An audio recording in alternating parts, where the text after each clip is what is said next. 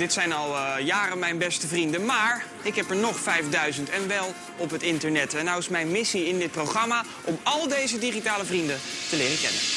En bij leren kennen van vrienden hoort natuurlijk het delen van hoogte- en dieptepunten. Help ik mijn vrienden of zij mij en uiteraard wordt er voldoende gehighfived. Welkom, het is weer de hoogste tijd om jullie mee te slepen in de enerverende rivier van vriendschap die mijn tijdlijn heet. En vandaag misschien wel de meest emotionele aflevering so far. Goedemorgen lieve kijker. Opvallend is als je 5000 vrienden hebt dat, dat ehm, de contrasten tussen de verschillende mensen eh, waarmee je dus bevriend bent heel groot zijn. Het kan zijn van heel veel zin in het leven tot helemaal geen zin in het leven. Eh, van heel veel feest tot eh, alleen maar bezig met de dood. En van heel veel plusjes tot heel veel minnetjes. Het gaat alle kanten op. Eh, maar dat maakt zo'n bloemlezing aan vrienden natuurlijk wel extra interessant. Hallo. Hoi. Sushi. Ja, sushi. Hoi. Ik ben Tim. Hoi Dirk. Leuk dat je er bent. Hoi. Wij zijn van de televisie. Wij komen voor Martijn. Ja, jou ken ik ook, ja. Ja. Wat doe jij in het dagelijks leven? Eh, ik ga naar school één keer in de week. Ik, werk bij Defensie. Ik ga 33 jaar naar Ajax, dus dan... Ja. 33 jaar. Ik heb een angststoornis. Oh, kijk, binnenkomen. Een van de dingen die ehm, echt thuis hoort binnen een vriendschap is iets doen voor de ander. Als ik zag, een Facebook-vriend heeft iets nodig, vindt iets leuk, wil iets hebben, dan ging ik dat regelen. En dat, eh, nou, dat wa- was misschien wel een van de leukste dingen om te doen. Eh, want dat liep uiteen van eh, het geven van een levende koe tot 43 kilo snoep op de stoeprand. Had ik goed naar mijn zin. Dames en heren, kijkt u mee naar ehm, misschien wel de leukste feel-good compilatie als het aankomt op welzijnswerkers eh, van 2014. Waar kan ik je midden in de nacht voor wakker maken? Nou, Snorremans, waar kan ik je midden voor wakker maken? Voor kippenpootjes. Ik heb een Facebook-vriend, Twan. Het geeft niks dat hij zo heet. Die heeft vandaag spropenduizen gehaald. Sophie die zei afgelopen week de, nou, toch wel interessante woorden. Ik wil graag een pinguïn. En nu zijn ze vandaag twee maanden samen. Judith heeft vandaag level 43 gehaald. En level 43 bestaat uit 43 kilo snoep. En wat doe ik dan? Wat ga ik vandaag doen? Wat ga ik vandaag naar Joke brengen? Dat ga ik doen met dit. Wat kom ik vanavond brengen? Als goede vriend. En wat doe je dan als echte vriend? Dan regel ik een pinguïn. Ik zou natuurlijk geen echte vriend zijn als ik ook niet op dit tijdstip voor Iskander klaar stond met zo'n 30 kippenpootjes. Ik ga hallo terug zeggen. Inderdaad, een koe. Gefeliciteerd met je nieuwe baan. Dit is zo absurd. Ik ga een nieuw baasje voor je halen. Ik heb iets voor je. Wat is dit? Ik sta voor je deur. Heb ik onthouden, man. Hallo, Joko. Hoi, ik ben Tim. Gefeliciteerd met je duizen! Weet je wat ik voor je meegenomen heb? Dit is de mooiste penguin ooit. Gefeliciteerd met het behalen van een nieuwe level. Dankjewel. Ik zag dat je een koe zocht. Ik heb een koe voor je meegenomen. Groetjes. Hoi, hoi. Groetjes, man. Laat weer eens. Hoi. Ik vind het wel heel leuk, maar daar heb ik toch echt geen ruimte voor, Tim. De vriendschapsservice weer geslaagd. 5000 vrienden, daar heb je wel een eh, behoorlijk eh, budget en een behoorlijk team voor nodig als je die allemaal wil bezoeken en tevreden wil houden. En gelukkig zullen we er allemaal niet zo last van hebben. Maar het is wel duidelijk eh, waar we het over gaan hebben. Vriendschap, relaties, dat soort dingen in, deze vijfde, in het vijfde deel van deze serie Vereenvoudig je leven. En dat is ook thema van vandaag, van geïsoleerd naar verbonden. Van geïsoleerd naar verbonden. En dat gaat over relaties, over het hebben van relaties. Iedereen die geïsoleerd is, of eenzaam is, of hoe je het ook wil noemen, of zich geïsoleerd voelt, zelfs geïsoleerd kun je voelen of eenzaam kun je voelen terwijl je te midden van heel veel mensen bent. Iedereen die dat ervaart, die is niet gelukkig. En ook al maak je het misschien nooit mee, misschien kun je er wel bij iets bij indenken. Als je geen contacten, geen relaties, die eenzaamheid hebt, dat, je, ja, dat dat gewoon echt niet fijn is. Ieder mens verlangt naar verbondenheid, ieder mens heeft behoefte aan relaties, maar dan wel goede relaties. Want je kunt een heleboel relaties hebben die helemaal niet zo positief zijn of helemaal niet goed zijn. En ook daar word je niet gelukkig van. Daarom is het belangrijk eh, om je relaties met zorg uit te kiezen. En je relaties ook met zorg te onderhouden. En daar zullen we eigenlijk vandaag bij stilstaan. Bij relaties, bij verbondenheid en eigenlijk ook het zoeken naar relaties waar je gelukkig van wordt, maar relaties waarin je ook een stukje geluk kunt doorgeven. Eh, we hebben allemaal meerdere soorten relaties. Uh, daar ben ik bijna zeker van dat we dat hebben. Relaties kunnen heel oppervlakkig zijn. Bijvoorbeeld met klasgenoten of medestudenten of met collega's of zakenpartners. Um, ze kunnen ook wat oppervlakkig zijn met bijvoorbeeld buren. Alhoewel je nog best een gezellige relatie met je buren kunt hebben. Hier hebben ze een heel creatieve oplossing daarvoor gevonden. Dit is echt barbecue op niveau. Um, maar over het algemeen zijn al die relaties wat oppervlakkig. Tenzij, natuurlijk, je daar een vriendschap hebt. Hè, met je buren met je collega's of met je klasgenoten. Nou, dan gaat die relatie natuurlijk wat dieper. Uh, andere relaties die we zeker hebben, dat uh, is relatie met, met familie. En ja, dat kan zowel heel oppervlakkig zijn. Als je denkt aan je eigen familie, zul je niet met iedereen een diepgaande of vriendschapsrelatie hebben. Misschien wel wel niemand in je familie. En het kan zijn dat een heleboel familierelaties ja, heel erg oppervlakkig zijn. Um, het kan positief uitpakken, maar familierelaties kunnen natuurlijk ook heel negatief uitpakken. Dat er ontzettend veel strijd en ruzie is in gezinnen en in familie en dergelijke. Dus ja, lang niet altijd een relatie waarin je wordt opgebouwd. Diepgaander zijn, als het goed is, relaties met je vrienden en ook met je partner met degene waar je verkering mee hebt. En zeker kan zo'n verdieping dan ook een stukje groeien. Nou, dat zijn zo wat relaties van, van heel oppervlakkig naar wat diepgaander, eh, die je allemaal kunt hebben. Wat we ook van relaties kunnen zeggen, zowel klasgenoten, zakenpartners, collega's en familie, die zoek je niet uit. En soms is het enorm plezier om, om die relaties te hebben en soms niet, maar ja, je bent er bijna niet Ehm, je, maakt de keuze niet zelf wie je collega's zijn. Ja, je kunt zeggen, dan moet je daar niet gaan werken, maar zo makkelijk is het allemaal niet. En je kent ze dan ook nog niet. Later ontdek je dat natuurlijk pas, hoe je collega's zijn. Maar dat zijn relaties, daar maken we niet echt keuzes in. Maar of iemand die je ontmoet een vriend of een partner wordt, dat is natuurlijk wel iets wat je zelf in de hand hebt. En daar valt ook nog wel het een en ander over te zeggen. Um, Natuurlijk wil je een relatie waar je gelukkig van wordt, dat is duidelijk. En het zal je ook niet verbazen dat de Bijbel, net zoals alle andere onderdelen van deze serie, die over het leven van alle dag gaan, dat de Bijbel ook hier wat over te zeggen heeft. Uh, adviezen heeft, richting, eigenlijk met het doel dat we gelukkig zijn, ook in relaties die we hebben. Er is een hele wijze en beroemde koning Salomo, je zult ongetwijfeld wel eens Salomo's woord hebben gehoord. Het was de zoon van David, koning David, koning van Israël. Leefde honderden jaren voor Christus, dus inmiddels uh, een kleine 3000 jaar geleden. En was een hele beroemde koning, met name om zijn wijsheid, die koning Salomo. Die heeft een heel boek volgeschreven met allemaal, je zou ze kunnen noemen, tegeltjeswijsheden. Die, die quotes die je op een tegeltje wel eens vindt en die je geneigd bent overal op te hangen en daar wat mee te doen. Nou, hij heeft een heel boek daarmee volgeschreven, dat boek heet Spreuken. En in dat boek vind je een heleboel praktische adviezen, ook als het gaat om vriendschap en, vriendschap en om relaties in het algemeen. Om te beginnen zegt Salomo dit. Wie omgaat met wijzen, wordt wijs. Wie bevriend is met dwazen, vergaat het slecht. Het uh, kan ontzettend leuk en spannend en stoer zijn om om te gaan met, met, met vrienden, jong of oud, die, uh, die, die stoere dingen doen. Soms wel domme, maar wel heel erg uh, leuk en spannend en noem maar op. Maar wanneer dat eigenlijk buiten normale moraal en waarden en normen en zeden en al dat soort dingen gaat, ja, uiteindelijk zegt Salomo, je wordt daar niet gelukkig van. Uh, je wordt meegesleurd in die domheid. En ja, dat, dat, dat komt uiteindelijk niet goed. En Paulus bevestigt eigenlijk die uitspraak van Salomo als hij zegt: slechte vrienden bederven goede zeden. Dus is een waarschuwing. Wees um, kritisch met wie je omgaat en zeker met, met wie je veel omgaat en intensief omgaat. En als je niet echt gelukkig wil worden, is dat geen enkel probleem. Doe dan gewoon waar je zin in hebt.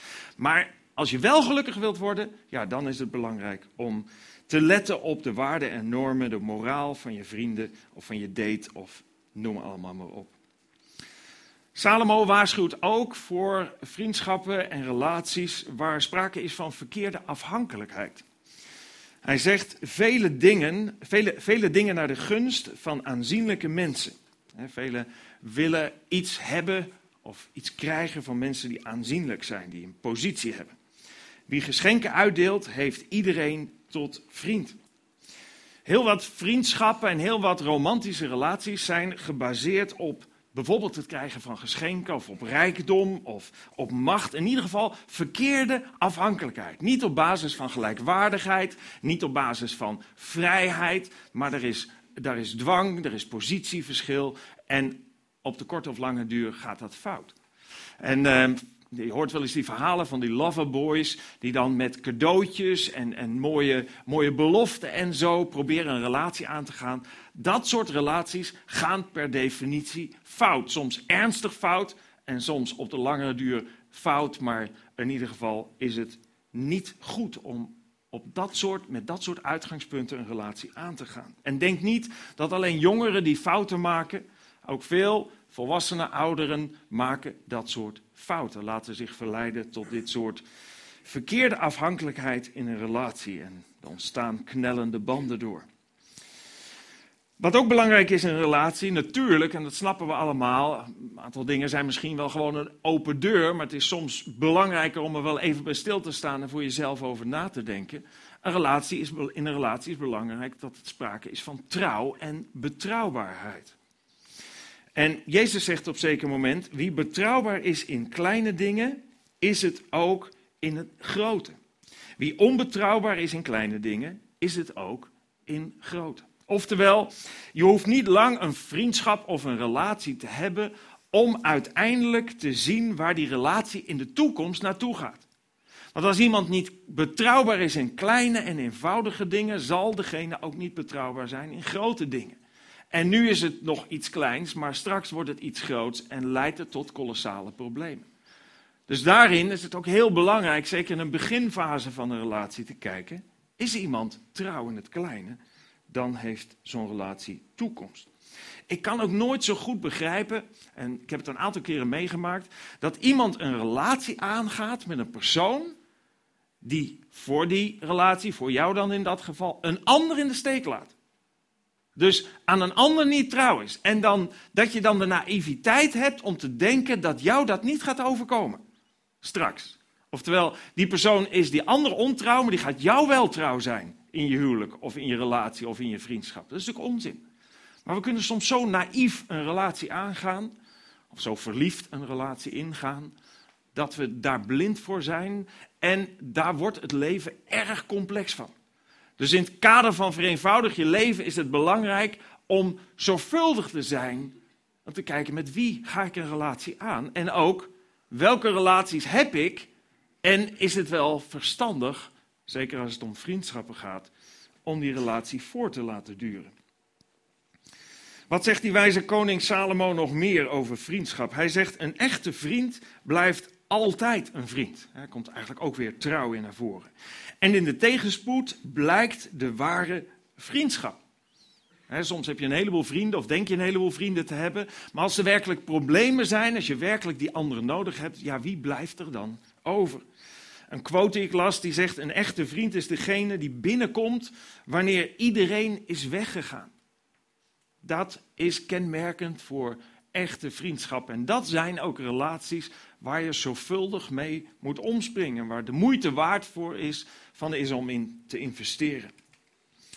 Nog een belangrijke les van koning Salomo. Hij zegt in de twee teksten die we nu gaan lezen, als het ware: Een echte vriend vertelt ons niet alleen wat we willen horen, maar ook wat we moeten horen. Wat belangrijk is om te horen. Kijk, wat we willen horen is bijvoorbeeld wat eh, Salomo omschrijft in Spreuken 27. Hij zegt: Geurige olie maakt het hart blij, net zoals de goede raad die de ene vriend de ander geeft. Als een vriendje goede raad geeft, en, en daar kun je wat mee en daar heb je wat aan. En, en, en, en, en, dat is ook makkelijk op te volgen. Ja, dat, dat willen we wel horen. Of, of positieve woorden, of een schouderklop, of een huk, of een knuffel. Dat is allemaal heel positief. Maar hij zegt dat is mooi, maar echte vriendschap of een echte hechte relatie kenmerkt zich ook door andere dingen die we tegen elkaar zeggen. Ik heb die tekst een poosje geleden ook gebruikt en die zegt: De wonden die door een vriend worden geslagen zijn een teken, zijn teken, zijn een teken van zijn trouw. Maar de kussen van een vijand zijn bedriegelijk. Een andere vertaling zegt: Liefdevol zijn de wonden door een vriend geslagen, maar overvloedig zijn de kussen van de vijand. dus vriendschap of een goede relatie, goede romantische relatie, kenmerkt zich ook doordat we dingen tegen elkaar durven te zeggen die de ander schade toebrengen. Die de ander pijn doen of verdriet doen, maar wel niet met als doel om iemand maar gewoon pijn te doen, maar met als doel om de ander te helpen of te waarschuwen. Als je dat niet hebt in een relatie, ja, dan is vaak de relatie ondiep. Dan is het vertrouwen er niet en dat is, ja, dat is niet wat je zoekt. Hoe moeilijk het ook is, dat kenmerkt een goede relatie. Durven we elkaar de moeilijke dingen ook te zeggen. Nou, eigenlijk is dit maar zo een greep uit de vele teksten die in de Bijbel staan en die iets te zeggen hebben over vriendschap. En ik heb al de vorige keren gezegd, deze serie is gebaseerd op een boek van Bill Hybels met dezelfde titel. In het Engels Simplify, in het Nederlands Vereenvoudig je leven. En daar is nog veel meer te lezen over dit onderwerp. Maar ik wil ook nog een, ander, een andere relatie aansnijden. Dat zou je niet verbazen. Dat gaat om de relatie niet alleen tussen mensen, vriendschappen, partner, romantische relatie en al soort dingen. Maar ook de relatie natuurlijk tussen mens en God. Wat is daarover te zeggen? We willen als mens niet geïsoleerd zijn en we verlangen naar verbondenheid. We verlangen naar goede vriendschap, liefdevolle romantische relaties en liefdevolle relaties met onze kinderen als je ze hebt. En ook al zijn geen van die relaties volmaakt, ja, toch kunnen we daar natuurlijk ontzettend van genieten en verlangen we daarnaar. Toch kunnen geen van deze relaties ehm, je zo bevredigen als een relatie met God. Dat is althans mijn eigen ervaring. Hoe mooi relaties en vriendschappen en romantische relaties ook kunnen zijn, geen enkele relatie kan je dezelfde bevrediging geven dan de relatie die je als mens kunt hebben met God. En als die relatie met God ontbreekt in je leven, dan kun je heel veel andere goede relaties hebben, maar dan toch blijft er een leegte achter. Blijft er een verlangen achter, die geen enkele andere relatie kan opvullen. En misschien zit je hier, en Jurien zei het net ook al, misschien ben je uitgenodigd door iemand en meegenomen. Misschien ben je niet gelovig, heb je niks met God of de Bijbel. En, en, en misschien zeg je, nou ja, dat is, dat is een mooie uitspraak, hè, dat, dat, dat, dat die relatie van God zo belangrijk is. Maar ja, ik, ik, ik ervaar dat eigenlijk helemaal niet. Ik, ik mis die relatie van God eigenlijk helemaal niet. Nou, dat kan kloppen, want in veel gevallen ben je je daar, nou in alle gevallen soms, in alle gevallen soms kan niet. In alle gevallen ben je niet bewust dat daar de schoen wringt. Want vaak mis je niet zozeer de relatie, of zul je het niet zozeer benoemen als ik mis de relatie met God. Maar komen er wel dingen naar boven als ik mis hoop in mijn leven. Zijn zo ontzettend veel mensen die in deze tijd zeggen: is er nog hoop? Is er nog toekomst? Waar zijn we naartoe onderweg? Er is zoveel angst en depressiviteit. Er zijn zoveel mensen op zoek naar hoop. Dat is wel iets wat duidelijk naar voren komt. Er zijn mensen die zo de vrede in hun hart missen en daarnaar op zoek zijn. Er zijn zoveel mensen op zoek naar onvoorwaardelijke liefde. Niet liefde die meteen ophoudt als je een klein foutje maakt. Nee, liefde die onvoorwaardelijk is. Die trouw is. En liefde die betrouwbaar is. Zoveel mensen die op zoek zijn naar zingeving. Die rust missen. En juist dat maakt allemaal onderdeel uit van de relatie met God. Dat is eigenlijk wat verankerd ligt in die relatie die je met God kunt hebben. Wij mensen zijn door God gemaakt, dat geloof ik met heel mijn hart. En ik geloof ook met heel mijn hart dat God ons gemaakt heeft om een relatie met Hem te hebben. Omdat Hij de bron van leven is, de bron van liefde is, de bron van die vrede en die hoop en die rust is, zijn wij niet op deze wereld gezet om daar maar te verpieteren, maar juist om die diepe verbondenheid en relatie met God in ons leven te ervaren. En als we die relatie missen, dan blijven we er eigenlijk ten diepste, ook al zijn we ons dat niet zo bewust, daarna op zoek. Want we vinden dan niet die rust en die vrede en die hoop. Ja, misschien wel momenten, dat kan. Momenten dat je gelukkig bent en dan moet je eigenlijk weer op zoek naar zo'n nieuw geluksmoment, omdat dat moment gewoon snel verdwijnt en de houdbaarheidsdatum van dat geluk zo kort is. Maar daar zoeken we niet naar. We zoeken eigenlijk naar geluk wat doorgaat. Hoop die doorgaat. Vrede die doorgaat. De relatie met God, zou je kunnen zeggen, is het einde van je zoektocht. En het begin van werkelijk gelukkig zijn. En hoe komt het dan dat die relatie met God ontbreekt? Is dat, is dat omdat je er nooit mee bezig bent geweest, omdat je uit een gezin komt waar, waar mensen niet geloofden, of je ouders niet geloofden, of wat dan ook?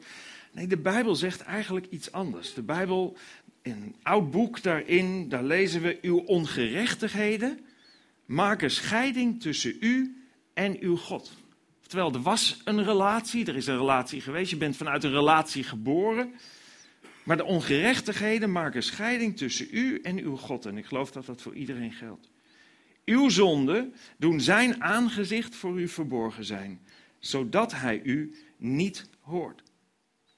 Dus wat de Bijbel eigenlijk zegt is dat de keuzes die wij in ons leven soms maken en die haak staan op Gods uitgangspunten, Gods kaders van het leven, Gods kaders van liefde, dat die eigenlijk schade toebrengen aan de relatie die we met God hebben. Sterker nog, dat die relatie met God daardoor kapot gaat.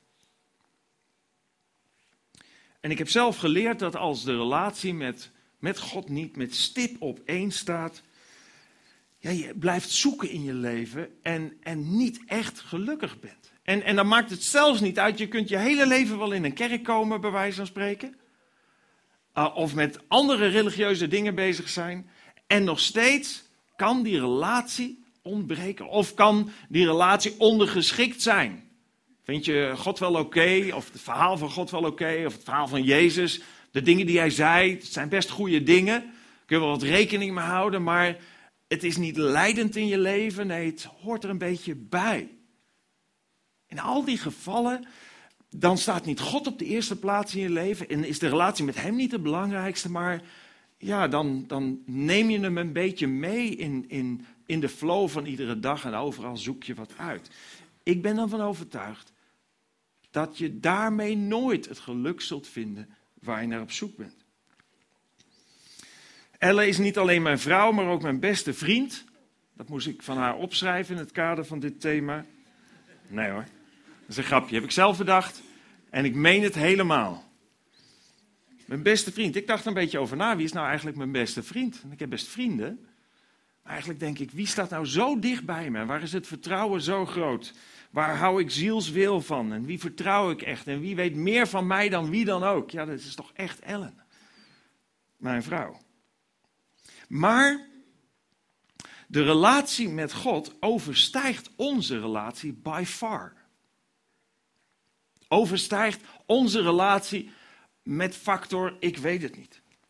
Elle kan nooit voor mij zijn in de relatie wat God voor mij is. En hetzelfde geldt natuurlijk omgekeerd. Ik kan nooit voor Ellen zijn wat God voor haar betekent.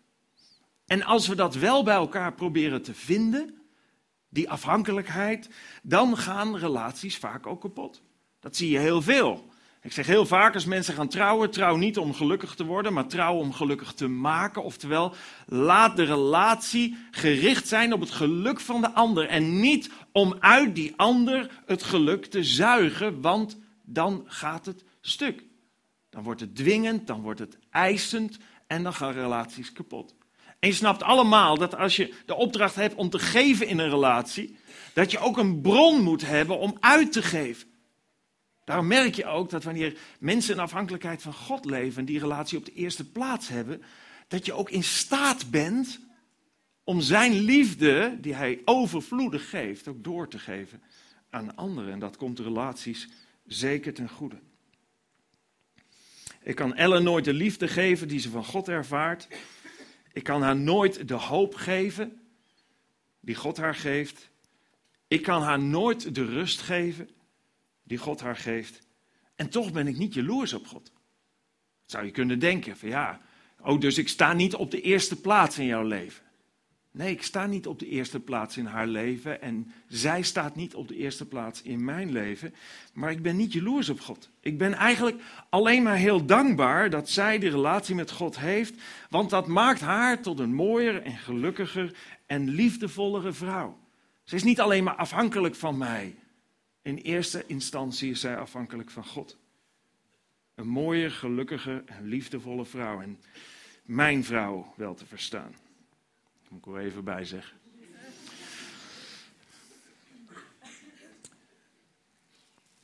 Ieder mens is die, met, is die relatie met God die je ooit in je tijd van onschuld had, kwijtgeraakt. Doordat je hebt laten meeslepen in een verlangen dat diep in ieder mens aanwezig is, dat we van, van ouders op kinderen overgedragen hebben gekregen.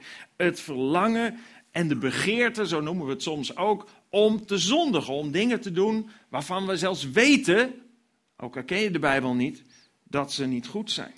Het verlangen dat we hebben om af te wijken van Gods kaders. En dat verlangen is in de wereld gekomen ooit, het kwaad wat onderdeel werd van deze schepping, van deze wereld. En dat is hetgene wat van ouders op kinderen doorgaat. Dat verlangen om het verkeerde te doen. Daarom hoef je een kind ook nooit te leren foute, dingen te doen. Je moet juist steeds leren om die foute dingen niet te doen en het goede te doen.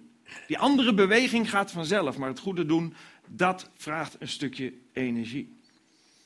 En je erft dus geen zonde, dat je misschien wel eens hoort, of schuld van je ouders, maar je erft begeerte. Je erft het verlangen om het verkeerde te doen.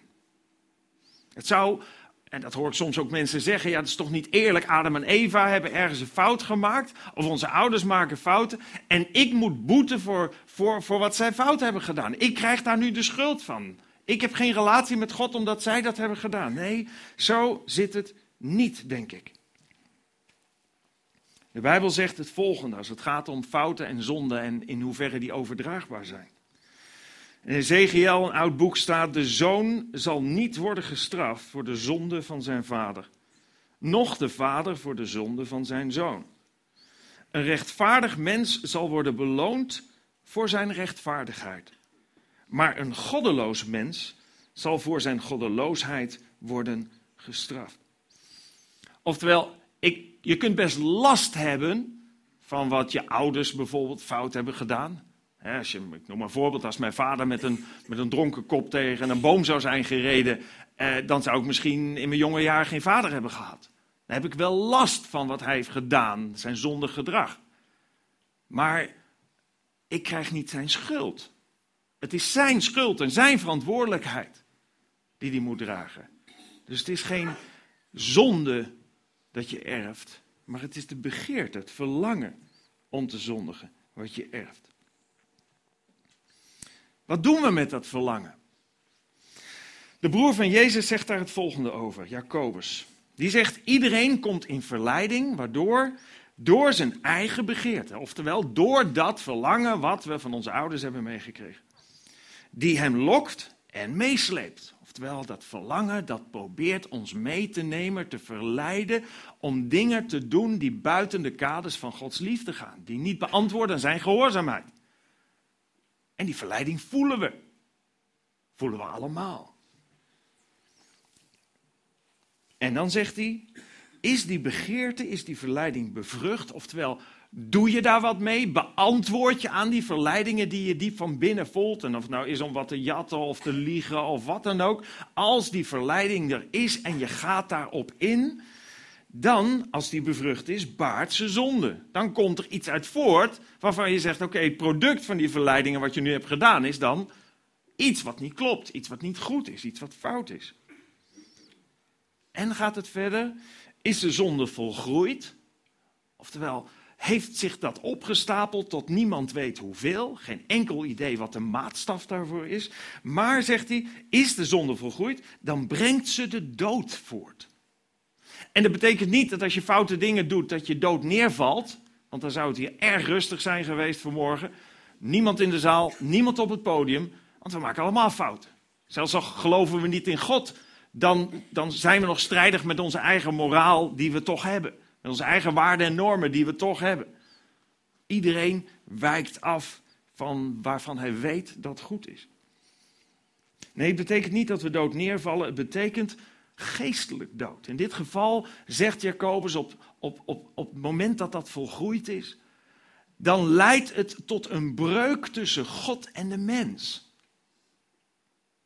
En, en die breuk ontstaat in, in, voor mijn idee, juist rond die periode dat wij onze eigen identiteit ontwikkelen. In onze puberteit, waarin we ons afzetten tegen onze ouders en tegen van allerlei dingen. Maar ook verantwoordelijk worden voor onze eigen keuzes en onze eigen stappen die we zetten. Als de zonde volgroeid is, dan brengt ze de dood voort. En wat je vervolgens ervaart, maar niet kunt benoemen in de meeste gevallen, is waar dan die leegte vandaan komt. Ja, het is gewoon een onderdeel van je volwassen worden en je in het proces, maar daar ontstaat iets wat je zou kunnen definiëren als leegte en, en wat je ook aanzet tot het zoeken naar geluk. Soms zeggen mensen, waarom heeft God het niet gewoon onmogelijk gemaakt dat we, dat we fouten maken? Nou, dat lijkt een goede oplossing. Ik ga er niet heel diep op in, maar dat is het niet. Want God wil niet dat we zijn marionet zijn. God wil niet dat we zijn slaaf zijn. Maar God wil dat we Hem volgen en Hem gehoorzaamheid, gehoorzaam zijn. Omdat we van Hem houden en omdat we geloven dat Hij van ons houdt. En omdat we geloven dat Hij het beste voor heeft met alles wat Hij aan ons vraagt te doen en te laten. Hij wil dat we zijn liefde beantwoorden vanuit onze eigen liefde. En dat kan alleen vanuit een vrije wil. Een relatie met God, liefde, kan niet functioneren zonder dat we een vrije keuzemogelijkheid hebben om daar ja of nee tegen te zeggen. En inmiddels hebben we dan ook allemaal een probleem, zegt Paulus. Allemaal.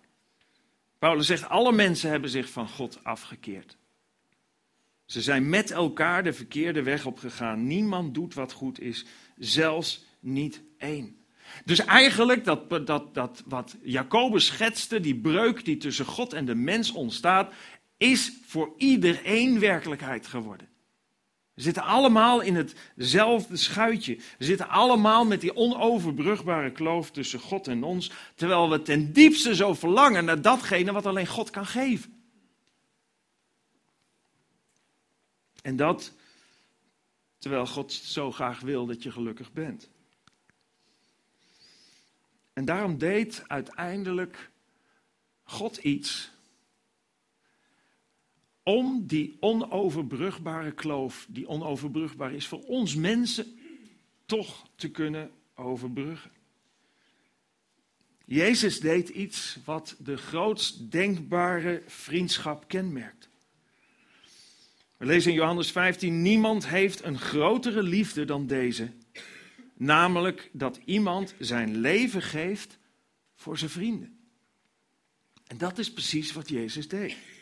Hij gaf zijn leven voor jou en mij.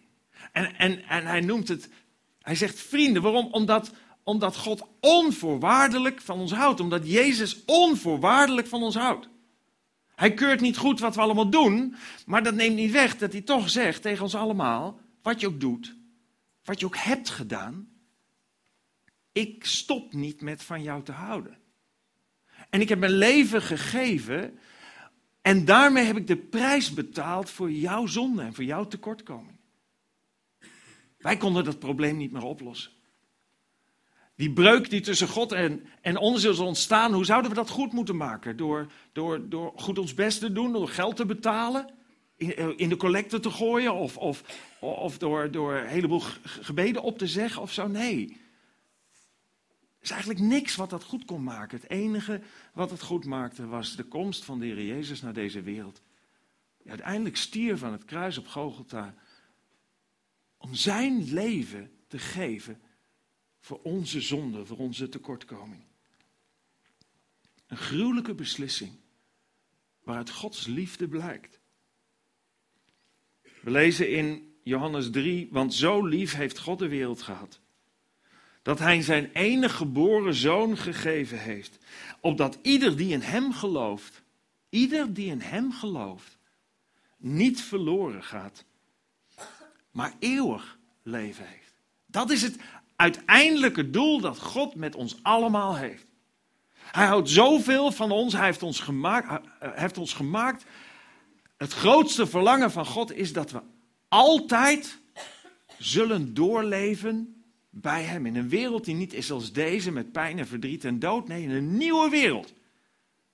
Die God beloofd heeft te maken. En we hebben één leven de tijd om te bepalen waar we in de eeuwigheid zullen zijn. Zullen we zijn bij God vandaan, gescheiden van Hem, los van God? Of zullen we zijn in die nieuwe wereld waar geen pijn en geen dood en geen verdriet is? Waar God is en waar we Zijn liefde iedere dag opnieuw mogen ervaren. God zegt, wie in Hem gelooft, zal niet verloren gaan. En wat betekent dat geloven? Wat vraagt God van ons eigenlijk? Om Hem te vertrouwen. Om Hem te gehoorzamen. Om te erkennen, ik ben een zondaar. Ik schiet ten tekort ten opzichte van God en ten opzichte van Zijn heiligheid. En ik wil de relatie met Hem op de eerste plek in mijn leven zetten. Ik verlang ernaar om een relatie met Hem te hebben.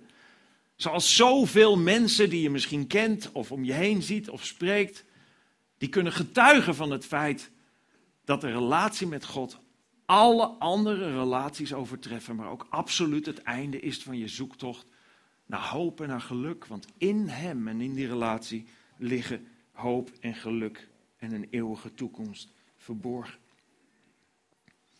En jij kunt ook die keuze maken.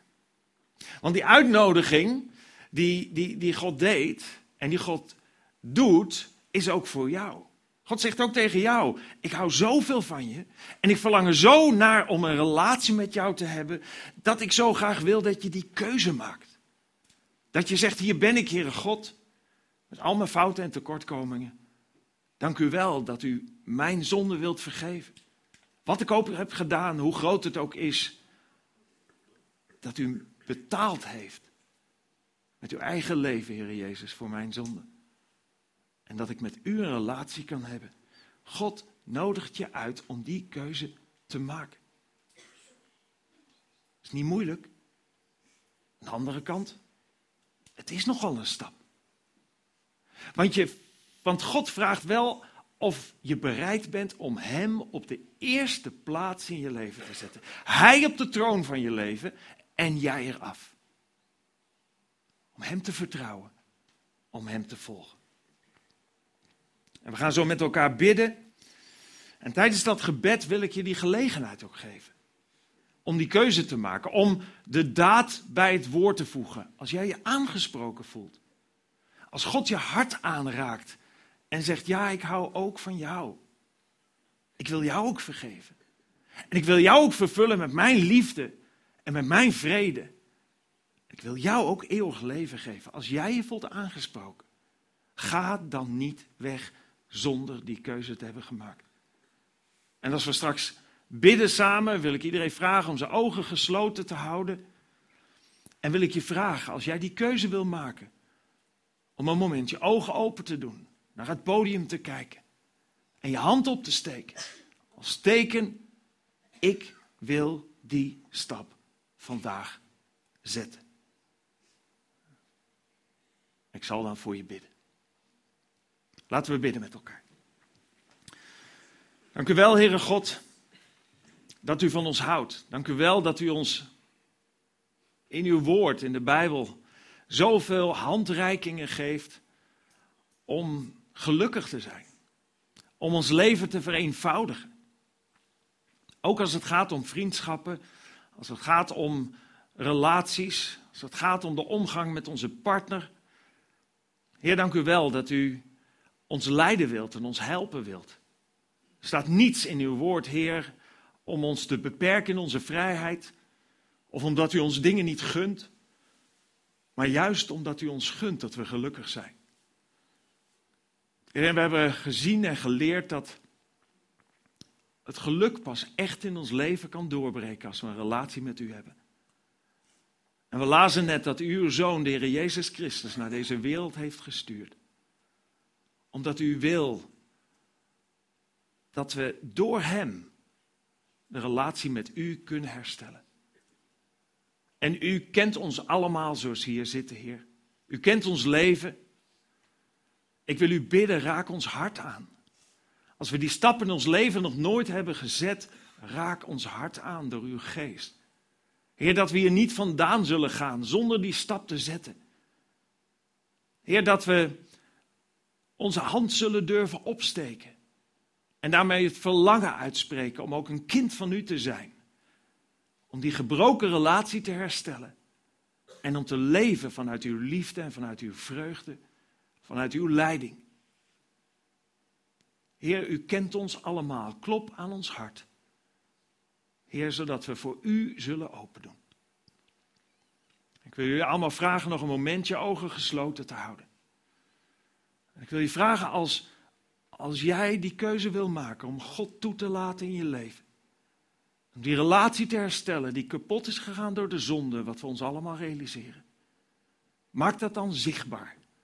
Door je hand op te steken. Kijk een moment hier naar het podium en ik zal je keuze ook bevestigen. Dank jullie wel, ik heb jullie hand gezien. Dank je wel, ik heb je hand gezien. Dank je wel, ik heb je hand gezien. Ik heb ook jouw hand gezien. En jullie hand gezien. Ik heb ook jouw hand daarachter gezien. Dank je wel, ik heb ook jullie hand gezien. Dank je wel, ik heb je hand gezien. Ik heb ook jouw hand gezien en jouw hand daarachter. Dank je wel, ik heb je hand gezien en ook daarachter. Dank je wel, ik heb je hand gezien. Als je wil dat Jezus je rein maakt van zonde, je verlost van zonde en wil leven in de eeuwigheid. En zijn liefde wil leren kennen in je leven. Steek dan je hand op. Dank je wel, ik heb je hand daarachter gezien. Dank je wel, ik heb jullie hand ook daarachter gezien. Dank je wel, dank je wel, ik heb je hand gezien. Dank jullie wel daarachter, ik heb ook jullie hand gezien.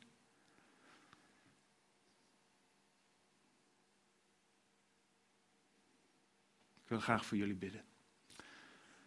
Dank u wel, Heere God, dat u harten aanraakt.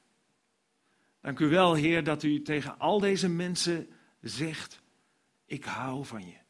Wat je ook hebt gedaan, wat de zonde ook in je leven is. Ik doe het allemaal weg. Het is vergeven. Omdat je gelooft in mijn zoon, de Heer Jezus Christus, die voor jouw zonde is gestorven. En ik wil u bidden, Heer, of u wilt doen wat u belooft in uw woord. Heer, wilt u hen aannemen als uw kinderen? Wilt u hen vullen met uw geest? Heer, en help, help hen om in hun leven te bevestigen de keuze die ze hebben gemaakt. Dat ze u zullen gehoorzamen, dat ze u zullen volgen, dat ze u zullen zoeken en dat ze een relatie met u op de eerste plek in hun leven zetten. Dat ze de autoriteit van hun leven aan u zullen overgeven. Heer, zodat u ze vol kunt maken met uw liefde. Heer, ik wil u zo danken dat u nog steeds iedere dag op zoek bent naar mensen die u nog niet kennen. En dat u zoekend bent, Heer, naar wie, aan wie u uw liefde kunt uitdelen. Heer, zegen hen die hun hand hebben opgestoken en vul hen met uw geest en met uw liefde. Wil u bidden, Heer, voor de mensen die misschien hun hand niet durfden op te steken of nog niet zo ver zijn. Ik wil u bidden, Heer, leid hen naar dat moment. Heer, ik wil u bidden of u hen wil blijven aanraken en aansporen. En u zegt, wie mij zoekt, zal mij vinden. Dat is een belofte die u doet. Ik wil u bidden voor mensen die u misschien kennen, maar ja, waar het allemaal een beetje is weggezakt. Wil u bidden, Heer, dat wij de keuze zullen maken om ons opnieuw toe te wijden. En op te staan in geloof. Ik wil u bidden voor de mensen die hier zitten die gelovig zijn. Wil u bidden dat we iedere dag, dat zij iedere dag de keuze zullen maken, Heer, om te leven vanuit uw liefde en die liefde ook door te geven aan mensen om hen heen. Dat ze een stralend licht mogen zijn in deze soms zo donkere wereld. Dank u wel, Heere God, dat u liefde bent en dat u ons nog steeds wil vullen met uw liefde en met uw waarheid. Nou, dank u voor in Jezus' naam. Amen. Als je je hand hebt opgestoken en je hebt misschien geen Bijbel, dat zou heel goed kunnen. Of je hebt wel een Bijbel, maar alleen een Bijbel in hele ouderwetse taal of een Bijbel van een oude vertaling. Dan wil ik je vragen om straks misschien even naar de boekenhoek te gaan en daar om een Bijbel te vragen in moderne taal. Die krijg je gratis van ons. Dat is het Nieuwe Testament, het tweede deel. Het is heel belangrijk als je deze keuze maakt om, dat ook een om daar ook een volgende stap in te zetten. En ook het woord van God te gaan lezen. En het is belangrijk dat je ook een Bijbel hebt waarin dat op een begrijpelijke manier verwoord wordt. Je kunt ze gratis krijgen in de boekhoek.